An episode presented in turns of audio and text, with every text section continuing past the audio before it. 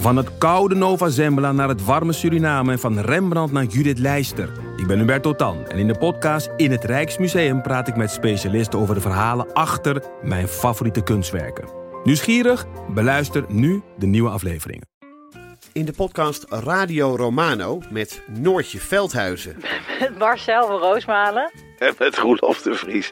brengen we alle drie elke week een zogenaamde signalering mee. Wat heb jij nou weer bij je? En aan het eind bepalen we wie de winnaar van de week is. Echt een angstcultuur Lege huls die je er bent? Ja, dat gaat eigenlijk altijd onvriendelijk. Luister nu naar Radio Romano bij Podimo. Via podimo.nl slash Radio Romano luister je 30 dagen gratis. Hallo, vanaf de redactie van de Groene Amsterdammer is dit uw wekelijkse podcast. Ik ben Kees van der Bos.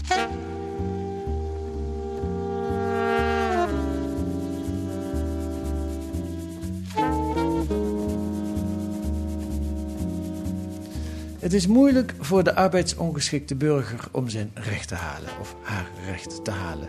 De hoogste rechter, de Centrale Raad van Beroep, geeft in 90% van de gevallen het UWV gelijk. Het UWV, dat is de instantie die beslist of je recht hebt op een uitkering en die hem ook uitbetaalt. Maar ze kunnen ook besluiten dat je geen uitkering krijgt. En dan kun je in beroep en dan strand je dus. En dat is een ingewikkeld proces. Anouk Kootstra en Belia Helbron van Investigo doken erin en komen deze week in De Groene tot nogal onthutsende conclusies. De burger die zich slecht behandeld voelt, heeft nauwelijks een kans om zijn beroepszaak te winnen. En er blijkt iets mis te zijn met Psion, een medisch expertisebureau. Welkom in de podcast, Anouk en Belia. Dankjewel, dankjewel. We komen zo bij de resultaten. Ik wil eerst wat meer weten over jullie onderzoek. Heel, eerst even, heel even kort over jullie. Jullie zijn allebei van Investico, het onderzoeksplatform hier in Amsterdam. Eh, en allebei al een tijdje bij Investico, hè, volgens mij. Ja, klopt. Hoe lang, eh Belia? Oh, nou, ik ben nog van voor Investico vorm kreeg. Ik ben eh, in 2012 begonnen als onderzoeksjournalist. Ah, kijk Ja. En jij, Anouk? Ja, 3,5 jaar nu. Kijk. Ehm, en Investico is ook de hoofdleverancier voor de Groene Amsterdammer, zo noem ik ze altijd maar. Dit onderzoek, de WIA. Ehm, eh, wie kan ik het woord geven? Hoe is het begonnen? Ja, ehm, ik kan vertellen hoe het is begonnen. Het is, Bela en ik hebben al een eerder onderzoek gedaan. Eh, dat is vorig jaar februari gepubliceerd en dat ging over ADHD Centraal. Dat is een- we hebben dat, ja, het is een, het is een, een zorgbedrijf dat eigenlijk op een heel grote schaal ADHD-diagnoses stelt en ook alleen maar dat doet. En we hebben het toen getypeerd als een ADHD-fabriek. Ehm, en naar aanleiding van dat onderzoek eh, meldde zich iemand bij ons en die zei: Het is eigenlijk een beetje gek. Ehm, want het is een totaal andere sector en een heel andere, andere tak van sport. Maar ehm, ik heb een ervaring die heel erg lijkt eh, op de ervaring die jullie beschrijven bij een ander bedrijf. Oké. En dat bleek Psion te zijn. En zo is eigenlijk het onderzoek begonnen. Tot dan toe hadden jullie, net als ik, waarschijnlijk nooit gehoord van Psion, of wel? Nee, dat klopt. Ja.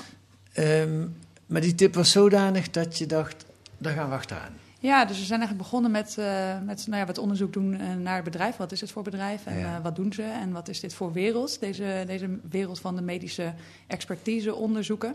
Ja, ja want moet je even beschrijven. Psion is een medisch expertisebedrijf. Ja. En dat betekent? Dat is dus een bedrijf dat onderzoeken uitvoert ehm, voor andere organisaties. Dus bijvoorbeeld voor het UWV. Dus als het UWV een keuring doet, maar die eh, heeft bijvoorbeeld niet helemaal overzicht of het is een ingewikkelde zaak of mensen gaan in bezwaar of het, nou ja, als het een complexe zaak is, dan kunnen ze de hulp inroepen van bijvoorbeeld Psion. Ja. En Psion doet dan extra onderzoek. Dus het kan een soort psychiatrisch eh, onderzoek zijn of een neurologisch onderzoek of iets dergelijks. Dus daar werken psychiaters, psychologen, ook gewone artsen misschien. Nou, vooral neurologen en veel eh, psychiaters en inderdaad eh, psychologen. Ja. dus ze zitten op het geestelijke gezondheidszorg. Vooral, ja. gebied. ja. Eh, Oké, maar, maar goed, dat kan. Bedrijven bestaan. Niks mis mee, toch? Klopt. Ehm, ja, dus we hebben wat, wat, wat verder onderzoek gedaan. En we hebben op een gegeven moment veel advocaten gesproken. En die. Eh, Wacht ja, even, hoe kom je van de Psion bij advocaten?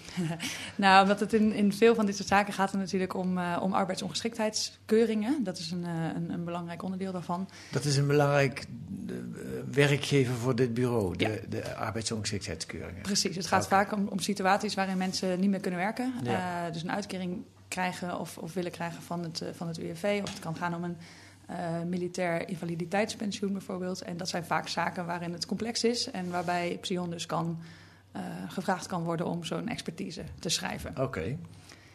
Um, en dat soort zaken zijn we dus veel op het spoor gekomen eigenlijk uh, via de rechtszaken. Dus dat zijn online gepubliceerde zaken en die hebben we doorgenomen. En uh, nou ja, zo kwamen we dus bij de advocaten terecht. Ah.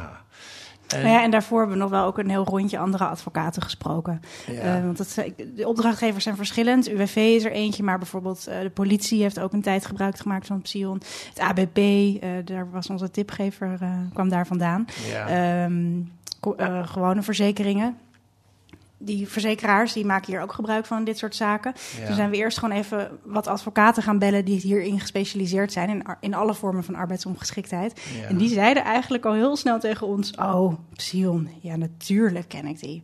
Notoire zijn die. En dat was zo'n universeel geluid dat we dachten dat is wel interessant. Maar hoe komen we nu verder? Ja, dus de een na de ander. Er zijn meerdere advocaten die, jullie, die tegen jullie zeiden: ja, die Psion, daar heb je beet eigenlijk. Dat is een gekke, daar is iets meer aan de hand. Vrijwel allemaal. Oké. Zonder uitzondering. Oké. En heel uitgesproken. Ja. Oké. Ja. En toen? Ja, dan is inderdaad de vraag, hoe ga je er nou mee verder? Eén advocaat die zei bijvoorbeeld Psion. Oh ja, haha, die noemen wij in de wandelgang altijd spion. Omdat ze oordelen in het voordeel van de opdrachtgever. Nou, dat is natuurlijk interessant als journalist. Dan denk je, oh, hoe zit dat dan? Hoe gaan ze dan te werk? En ga daar maar eens achter komen.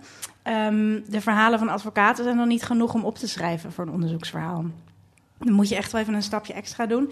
Dus wat we toen hebben gedaan, is vervolgens uh, via LinkedIn allerlei oud-werknemers benaderd. Ja. En we zijn, wat Anouk net vertelde, via de rechtspraak uh, op zoek gegaan in uitspraken. En op die manier hebben we heel veel uitspraken gelezen, waar veel psion in voorkwam. En op het moment dat je in zo'n, naar zo'n volume kijkt, dan ga je op een gegeven moment patronen zien. En dat was voor ons onderzoek ontzettend belangrijk, omdat we toen wat concrete aanknopingspunten hadden waar we of verder naar, ja, waar we verder onderzoek naar konden doen, die we bijvoorbeeld konden voorleggen aan experts, of waar we zelf wel een conclusie uit konden trekken. Ja. En je zegt volume.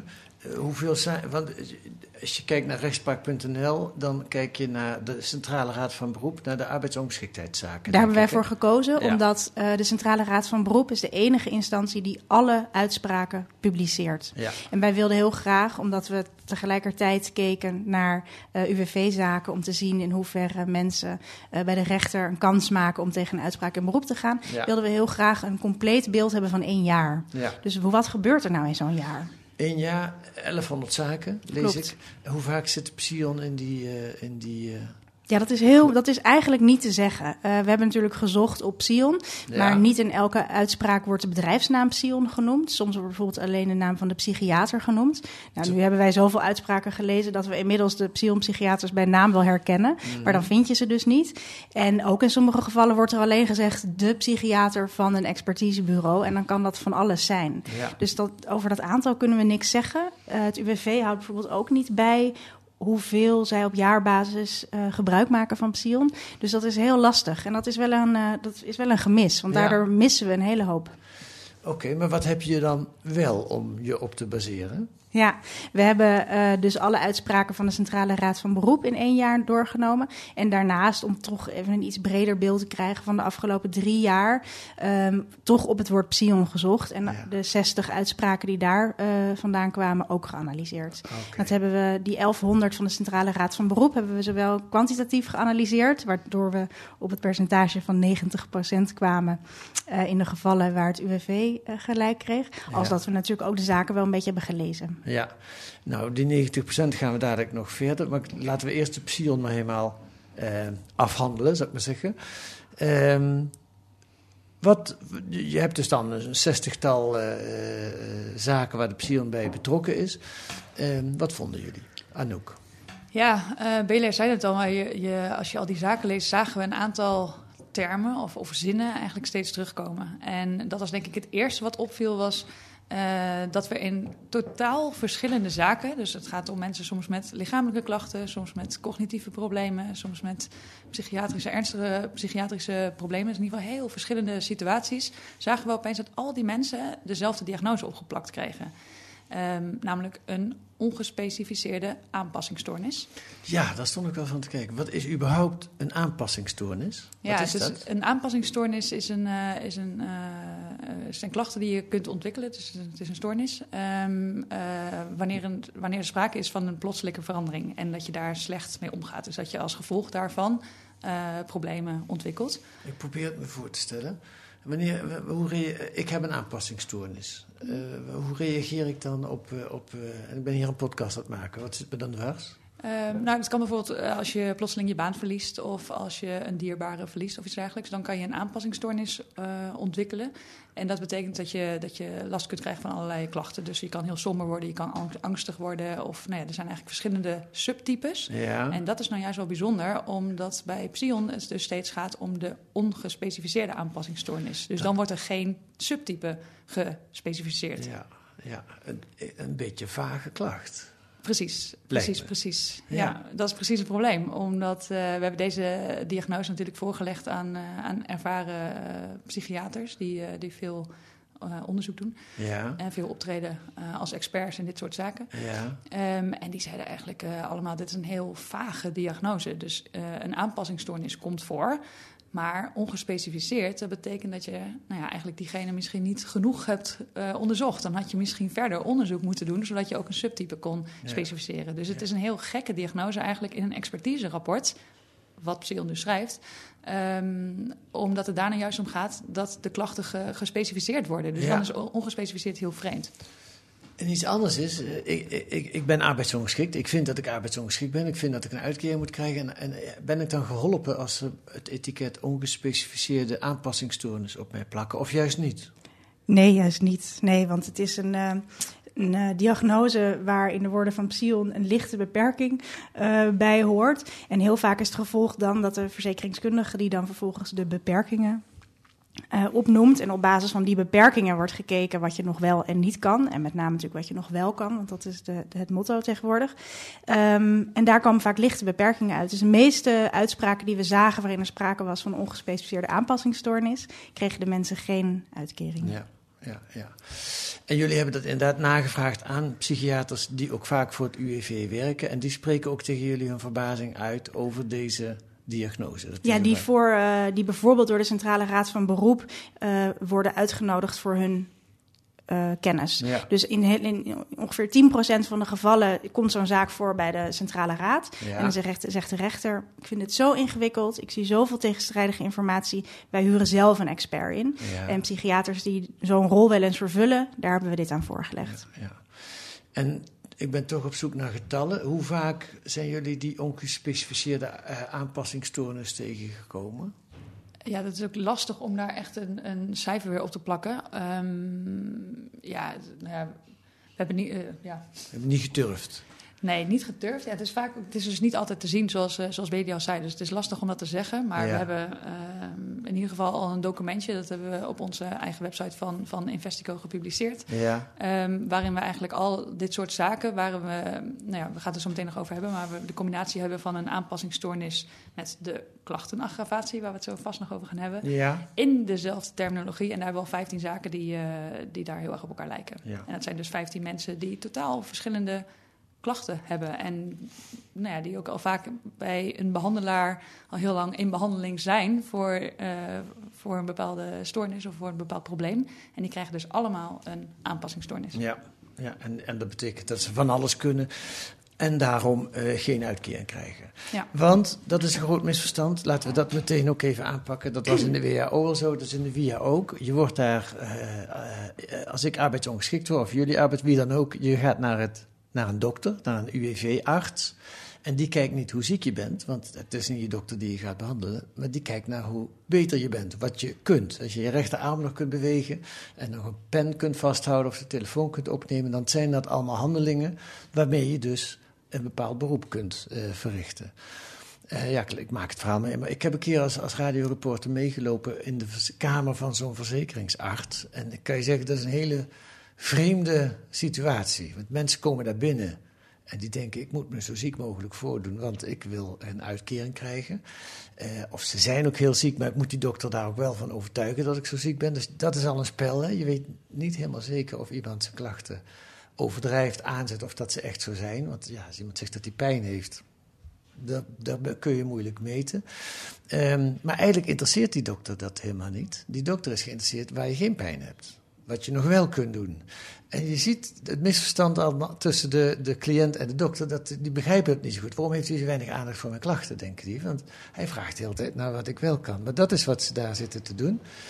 Um, en dan uh, heeft hij een hele lijst met beroepen uh, achter zich. En als jij dus die rechterhand, om dat maar even te houden, nog kunt bewegen en pen kunt vasthouden, dan zijn er een aantal beroepen op die lijst die jij nog kunt uitoefenen.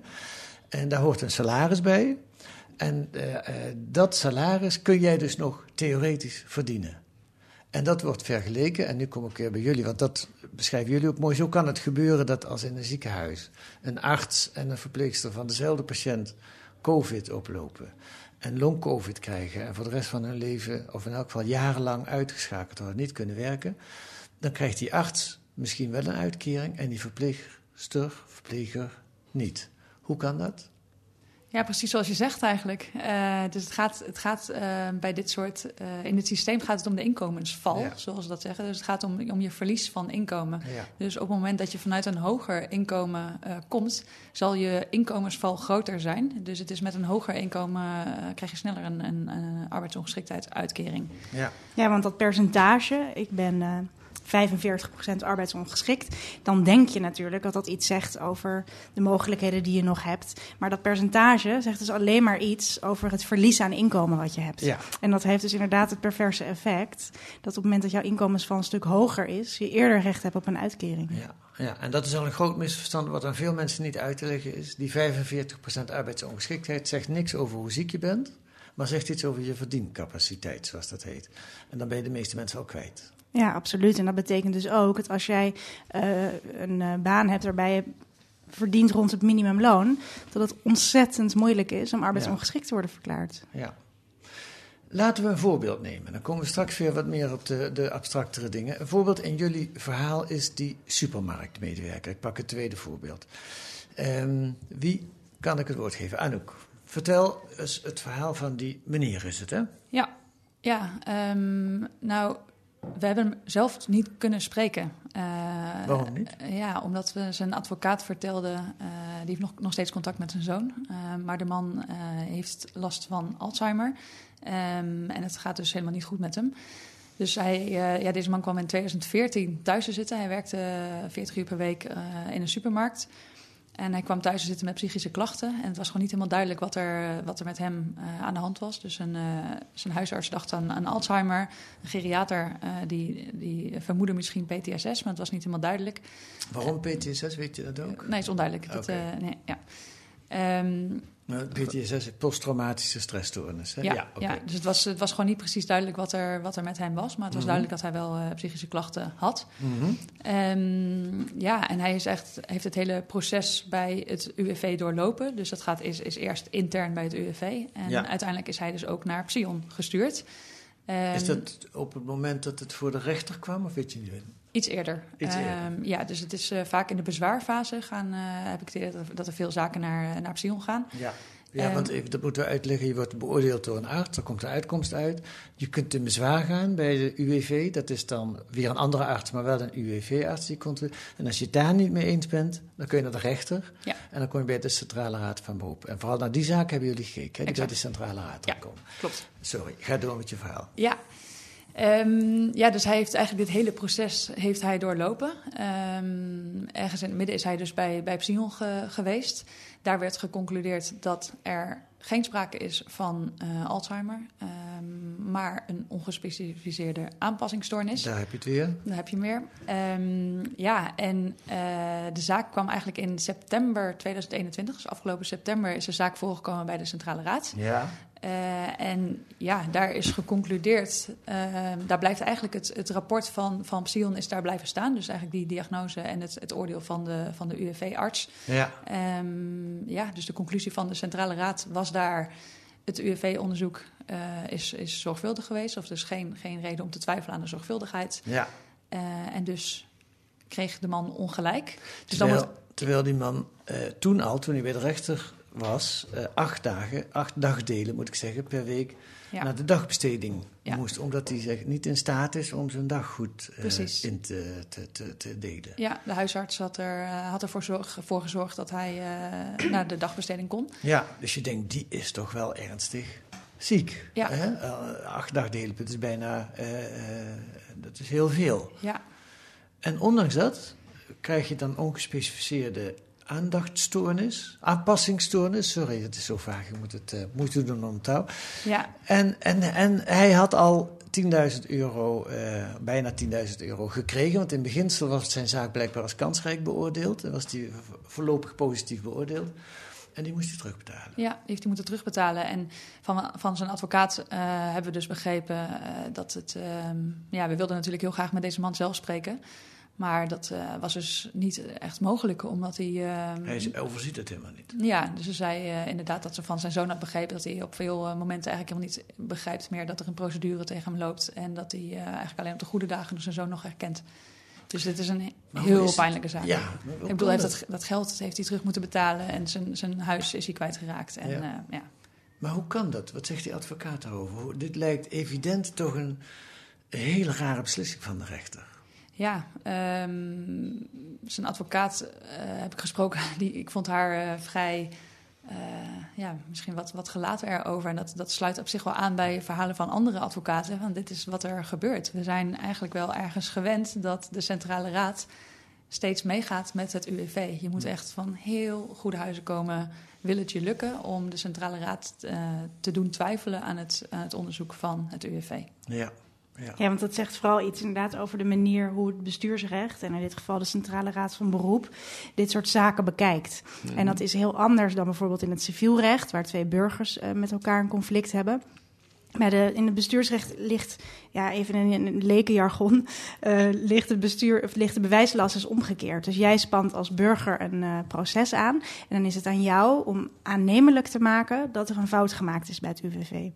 En dat is ontzettend ingewikkeld. Want jij hebt misschien wel brieven van je huisarts, van je psychiater, van de behandelaar. Maar die heeft de UWV-arts waarschijnlijk in zijn dossier al meegenomen. Die heeft ook gemotiveerd toegelicht waarom je er niks mee doet. En dan heb je geen nieuwe informatie. En ga dan maar eens aannemelijk maken dat er een fout is gemaakt. Ja.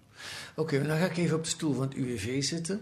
Eh, ja, we hebben die meneer eh, door een arts van ons laten controleren. En die arts heeft vastgesteld wat zijn verdiencapaciteit is. Ja, die meneer snapt het al niet meer, wij snappen het ook nauwelijks, maar dat is, eh, dat is een logica. Ehm, eh, dan dan is het toch ook logisch dat je als UWV, als rechter zegt... ja, in principe heeft onze artsen hebben ernaar gekeken. Ja, nee, dat klopt natuurlijk ook. Maar vervolgens, en juist op het moment dat er uh, in de arbeidsongeschiktheidswet uh, is de laatste twintig jaar behoorlijk streng geworden. Het is Ja. niet meer vanzelfsprekend om zomaar een arbeidsongeschiktheidsuitkering te krijgen. Nee, je moet een, een verdiencapaciteit van 35% hebben, anders Ja. krijg je helemaal niks. Krijg je helemaal niks. Ja. Klopt. Vroeger was dat 15 procent. Ja, En dat is in 2006 opgehoogd naar 35 procent. Wat Ja. dus een enorme stap is. Er is onlangs ook, ook kritiek op geweest van de SER. Die adviseerde eh, vorig jaar weer om het weer terug te brengen naar 15 procent. Omdat er gewoon te veel mensen tussen wel een schip vallen. Mhm. Ehm, maar juist in een situatie waarin het dus ook afhankelijk is van een arts. Die arts kan ook een fout maken. Ja. Die zal meestal hartstikke goed zijn werk doen. Die zal het naar eer en geweten doen. ja. Maar er zijn momenten dat het misgaat. Ja. En dan is de vraag, waar kun je als burger nog terecht? En dan kan je in ieder geval niet terecht bij een rechter die zelf onderzoek doet. En in de meeste gevallen ook zelf geen expert inhuurt. Nee, maar dat is natuurlijk ook een probleem. Die rechter is geen arts. Ja. Eh, Dus die kan zelf geen onderzoek doen. Ja, dat klopt. En daarom kijken ze vooral naar, eh, naar het rapport van het UWV. Is het gemotiveerd? Zit alle informatie erin? Eh, heeft de burger nog wat toe te voegen? Dan kijken ze daar ook naar. Maar op het moment dat dat dus al in het rapport zat. En op het moment dat ze ernstig twijfelen... Dan hebben ze een mogelijkheid om een eigen expert in te huren. En maar dat gebeurt volgens de Centrale Raad van Beroep ongeveer in 10% van de gevallen. En wij hebben dus al die zaken gelezen van vorig jaar. En daar hebben we zoveel zaken voorbij zien komen waarvan wij dachten, hier ga je toch van twijfelen. En dan Ja. nog was er geen grond Ja. om te twijfelen. Ja. ja, neem bijvoorbeeld deze supermarktmedewerker. Het minste wat je zou kunnen gaan doen als iemand eh, in de dagopvang zit, is dat je toch gaat twijfelen. Ja, die man zit daar niet voor zijn plezier acht dagdelen per week. Nee. Laten we nog een ander voorbeeld nemen. Jullie gebruiken, beschrijven twee voorbeelden. Meneer Kaan, daar heb je een naam bij. Waarschijnlijk heb je die wel gesproken. Naar wie moet ik kijken? Naar Anouk of naar Belia? We zijn er samen geweest. Oh, nou, ja. mag jij het vertellen, Ja. Belia. En, Ja. en Anouk mag het aanvullen. Ja, Meneer Kaan, hoe zit het daarmee? Wat is daarmee aan de hand? Ja, dat was een man die werkte als uh, sales engineer, wat ik een fascinerende titel vond. Die uh, was een soort technische ja, verkoper, een salesmedewerker op het gebied van technische techniek. Dus Ja. die, die ging langs allemaal grote bedrijven, die wist veel van techniek. Ehm, die had net een nieuwe baan en kreeg een aanrijding. Hij werd achterop zijn auto aangereden en kreeg sindsdien allemaal vage klachten. 2015. is 2015 dat was dit. Ja. klopt. Hij viel bijvoorbeeld ineens twee keer achter het, eh, achter het stuur in slaap. En dat was hem echt nog nooit gebeurd. Want hij reed al zijn hele werkende leven het hele land rond. Ehm, hij kreeg last van zijn handen, van zijn armen, van zijn benen, van zijn rug. Eigenlijk van alles. Ontzettend veel vage klachten. Hij is een heel medisch traject doorlopen naar een eh, revalidatiearts, huisarts, allerlei medisch specialisten. Ehm, heeft ook een eh, uitkering aangevraagd bij het UWV. Ehm, uiteindelijk, ja, nu moet ik toch naar Anouk kijken, want ik kan deze naam nooit goed zeggen. Hij kreeg uiteindelijk de diagnose. Fibromie- daar heb ik ook Ja, fibromyalgie. Ja, dat is een aan reuma-gerelateerde aandoening. Het is vooral een pijnziekte, heb ik me laten vertellen. Je Klopt. hebt heel erg pijn, zonder dat mensen kunnen zeggen waar die pijn nou precies vandaan komt. Ja, dat klopt. En deze ziekte wordt dus ook niet erkend eh, door het UWV. Ehm, Dat heet niet erkend, dan- dan heb je me gewoon niet. ja, zij noemen dat altijd. Zij willen graag de klachten kunnen objectiveren, zoals dat Ja, heet. ja. Het is mij nog steeds niet echt duidelijk wat dat betekent. Want dat betekent vooral dat ze er een diagnose aan kunnen stellen. Dat ze moeten kunnen zien waar het vandaan komt. Ja. Wat gewoon in sommige gevallen gewoon best wel lastig is. Ja. En dat geldt ook voor deze aan reuma gerelateerde ziekte. Ja. Eh, aan het eind van het... Hij is ook naar eh Psion gestuurd. Ehm, daarin werd hij ook beticht van het aanzetten van zijn klachten. Hij zou een theatrale persoonlijkheid hebben. Nou, laten we het daar ook meteen even over hebben. Ja. Dan komen we op de SIMS, of zoals jullie het noemen, de leugentest. Ja, Eh, eh, vertel, wat is dat? ja dat is een eh, vragenlijst van zo'n 75 vragen... die hele gekke stellingen zijn. The Structured Inventory of Malignant Symptomatology. Excuseer mijn Engels. Maar het komt erop neer dat ze, dat, dat ze via die vragen probeert te onderzoeken of jij wel eerlijk antwoord geeft. Ja, dus als je bijvoorbeeld een stelling die ik kan voorleggen aan jou is... eh, als ik een zin op papier schrijf, dan verschijnen de woorden... zonder dat ik het wil, achterstevoren. En als je dan zegt, ja, dat heb ik. En je zegt op 75 van dit soort vragen te vaak ja... Want dat zijn symptomen die eigenlijk... die eigenlijk niet bestaan... Ja. dan ben je aan het aanzetten. Want dan Ja. wil je heel graag laten zien dat Ja. je ziek bent. Ja. Eh, deze test wordt bij Psion afgenomen door de psycholoog... die het eerste gesprek voert. Eh, die praat ongeveer twee uur met mensen. Eh, Dat is een jong iemand, een beginnend psycholoog. Ja, klopt. Meestal. Ja, dat zijn eigenlijk allemaal basispsychologen. Die dit, we hebben op LinkedIn gekeken naar of, wat hun werkverleden was. En in heel veel van die gevallen was het eigenlijk hun eerste baan. Ehm, zij zetten dan een score neer. Dus die heeft nou 25 keer ja geantwoord op dit soort vragen. Dat gaat dan naar de psychiater. Die kijkt ernaar en die neemt dat mee in zijn overwegingen. En ziet, oh, 25, dat is wel heel hoog. Dat is een sterke aanwijzing dat iemand zijn klachten aanzet of liegt. Want had- daar komt het eigenlijk gewoon op neer. Ja, dat had meneer Kaan. Dat had meneer Kaan.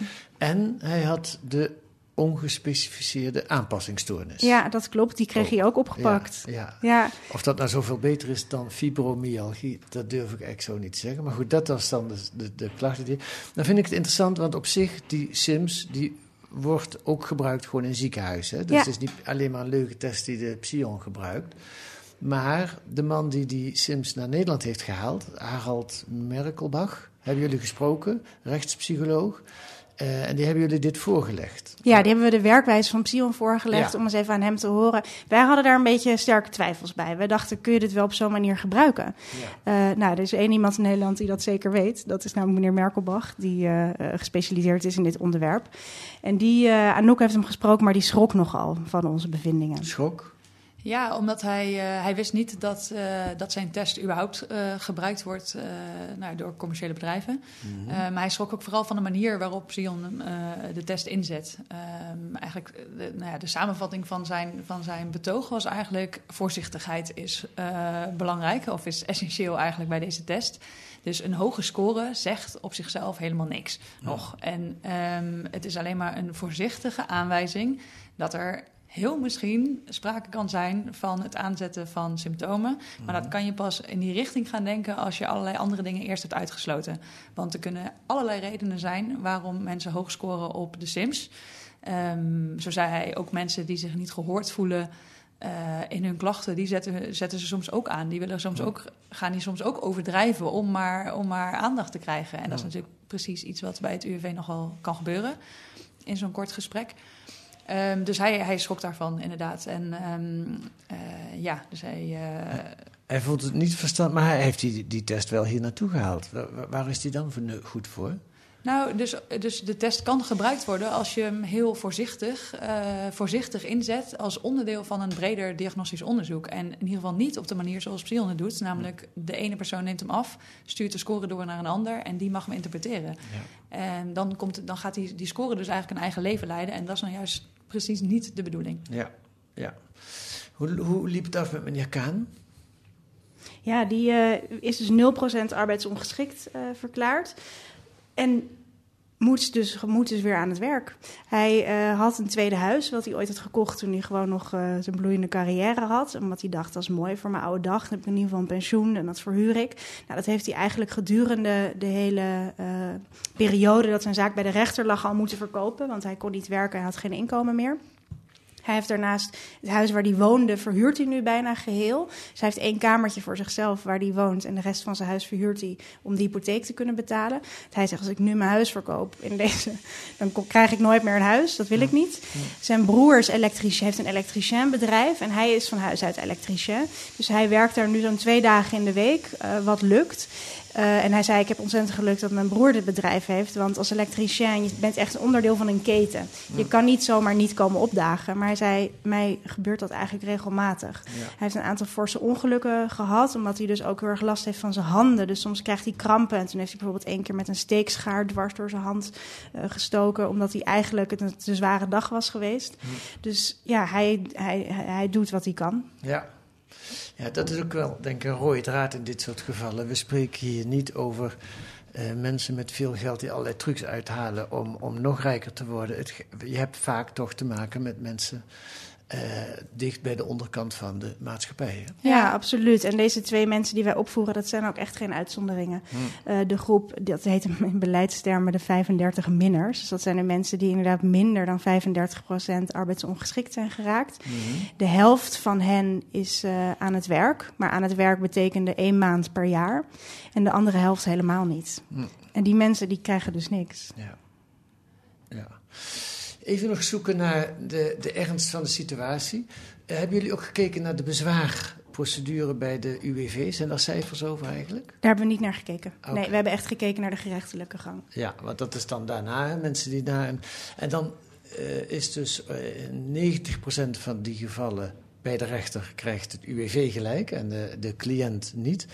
Eh, nou kun je ook zeggen, eh, zou, heeft het UWV niet gedaan, maar dan zou je kunnen zeggen, nou wij doen ons werk erg goed, want in 90% van de gevallen krijgen we gelijk. Ja, dat zou je kunnen zeggen. En dat is ook wel wat de Centrale Raad van Beroep eh, zei tegen ons. Ze zei, ja, het zou ook wel heel gek zijn als het 50-50 was. Eh, want Ja. eh, dan doet het UWV gewoon zijn werk helemaal niet goed. Nee. Nou, daar valt natuurlijk ook wat voor te zeggen. Ik denk alleen dat wat wij hebben gezien in dat jaar, wat we hebben bestudeerd, is dat er toch wel heel veel zaken voor de rechter komen die gewoon ontzettend complex zijn. Ja. En waarvan je er echt wel een hele goede reden is om te zeggen, laten we op zijn minst een onafhankelijke expert inhuren om hier nog eens even heel goed naar te kijken. Maar omdat de status quo voornamelijk wordt bevestigd, gebeurt dat gewoon ontzettend weinig. Ja. En dan, de cliënt mag ook een expertisebureau inhuren, maar dat Ja. kost een paar duizend euro. Ja, dat kost minimaal, god, meestal tussen de 3 en de 5000 euro. Ja. En eh, ja, sommige advocaten die we hebben gesproken, die adviseren dat hun cliënten. Die zeggen, maakt niet uit waar je het geld vandaan haalt, maar dit is, dit is je enige mogelijkheid. Ja. Maar die mensen zitten al klem. Die zitten Ja. al jaren zonder inkomen, hebben geen geld. En om dan ook nog 3000 euro te betalen voor iets waarvan de uitkomst ook onzeker is, Ja. dat is een hoop. En de rechter die doet het alleen voor alle duidelijkheid als de rechter zelf twijfelt. Hè? Als die denkt, maar goed, we hebben dus eh, één voorbeeld besproken waarbij je denkt, nou ja, dat is wel veel voor nodig voor zo'n rechter om te gaan twijfelen. Dat is ook jullie, eh, die casussen die je gelezen hebt, daar heb je dat vaker gedacht. Ja, Ja, echt heel vaak. ja. Wat me ook nog opviel, we zijn al bijna weer aan het eind, is die eh, Psion, toen je daar met UWV naar vroegen, die hebben ook, eh, er, is een, er was iets mee. Ze hebben er eens een klacht tegen ingediend die ze aan het onderzoeken zijn. Eh, Wie, wie, wat, Wat bedoel je precies? Nou, ik las in jullie artikel dat de UWV had gezegd... Uh, we zijn inderdaad een klacht aan het behandelen tegen de Psion. Daar, Ja. is, een, daar is iets binnengekomen. Het gaat, Oh, het ja. gaat om het. eh, de- we hebben het in de, in de wederhoor naar het UWV natuurlijk gevraagd. Ja. Naar hun, eh, of ze, waarom ze gebruik maken van Psion en in welke gevallen en hoe vaak. Ja? Ehm, eh, en daar eh, in die antwoorden vertelden ze inderdaad dat er inderdaad een signaal was binnengekomen bij het UWV over Psion. En dat ging specifiek over het gebruiken van steeds dezelfde formuleringen. Dus dat is ook iets wat we, wat we zagen toen we al die rechtszaken doornamen. Ja. Dus dat ze, dat ze die ongespecificeerde aanpassingsstoornis en de klachtenaggravatie, zoals ze de SIMS-uitkomst noemen, ehm, dat, dat ze dat steeds beschrijven in dezelfde termen. Dus we, Ja. we zagen letterlijk dezelfde zinnen. Dus dan gaat het om heel verschillende mensen met heel verschillende klachten, die in dezelfde zinnen dezelfde diagnose krijgen. Hm. Dus ehm, daarover eh, hebben we het UWV ook gevraagd. En Ja. daar was blijkbaar een signaal over binnengekomen. Dus dat, dat is al bij het UWV was dat bekend. Ehm, en het UWV zei dat ze naar aanleiding daarvan met Psion contact hebben gehad. Ehm, en dat de werkwijze naar aanleiding daarvan was gewijzigd. Mhm. Veel meer eh, daarin kijken kunnen we helaas niet. Nee, het is geen openbare toegankelijke klacht. En wat Nee. zegt Psion? Wat zei die? Helemaal niks. Helemaal niks. Die Nee. wilde niet met jullie praten. Nee, we hebben eh, rondom kerst hebben we één keer contact met, eh, met Psion gehad. Eh, omdat we toen wat eerste feitelijke vragen eigenlijk hadden over, over de werkwijze van Psion. Die vragen hebben ze toen beantwoord. Ehm, en natuurlijk hebben we, hebben we de bevindingen van ons onderzoek aan ze voorgelegd. Mhm. Ehm, ja, ik denk ongeveer twee, eh, twee weken geleden. Maar daar hebben we nooit reactie op gekregen. Dus we hebben nog een keer gemaild en gebeld. En ehm, ja, Nee. nooit iets gehoord. Ja, ja, ja, ja. ja. Hey, het is, eh, sinds vanochtend staat het op de site. En ik, ik hoorde dat er al eh, veel reacties binnengekomen zijn. Ja, en ik denk dat dat wel de bevestiging is van een beetje het gevoel wat we hadden tijdens dit onderzoek. En dat is eigenlijk ook al waar jij natuurlijk op aanstuurde. We hebben gewoon heel weinig cijfers hierover. En voor ons gevoel hebben we eigenlijk nog maar een beetje het topje van de ijsberg geraakt. Psion is ook ingehuurd bij de politie een hele tijd. eh, het ABP, we hebben oud-militairen gesproken... onder wie dit ook kennelijk een eh, beruchte partij is. Dus er zijn natuurlijk veel meer mensen die hier terecht zijn gekomen. En dat is ook wat we vanochtend in onze mailbox en de telefoon hebben gemerkt. We hebben best wel veel reacties gekregen van mensen die of ontevreden waren over hun ervaring bij het UWV... of bij Psion, die bijvoorbeeld nu een tuchtzaak hebben lopen. Ja. Dus, luisteraars, als, je- als je iemand kent of als je zelf slechte ervaring hebt met de UWV of met de Psion, Ja, of hele goede ervaringen, als je überhaupt ervaringen hebt die je met ons wilt delen, ehm, dat kan. Ik zal maar één eh, mailadres noemen, dan stuur ik de mail wel weer naar jullie door. Eh, en dat is de reacties op deze podcast kunnen naar podcast.groene.nl. Eh, daar kunt u ook eventuele tips eh, melden en dan sturen wij die weer door naar eh, Anouk of eh Belia. Dank jullie wel. bedankt. Dankjewel.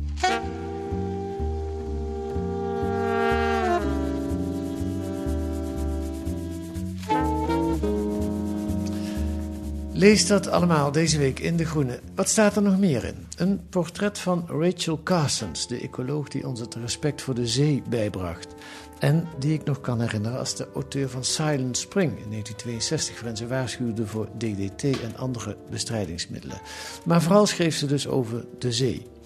En een achtergrondverhaal over de commerciële advocatuur, zoals die bijvoorbeeld aan de Amsterdamse Zuidas wordt beoefend. Bij deze raadslieden van de Russische oligarchen, te huren voor 795 euro per uur, was het morele kompas danig uit het lood, concluderen de auteurs. Dat kunt u lezen met een abonnement of een proefabonnement. Ga dan naar groene.nl. Daar leest u hoe u 10 weken de groene krijgt voor 15 euro. Groene.nl. Wilt u reageren op deze podcast? Hebt u tips? Stuur ze dan naar podcast.groene.nl.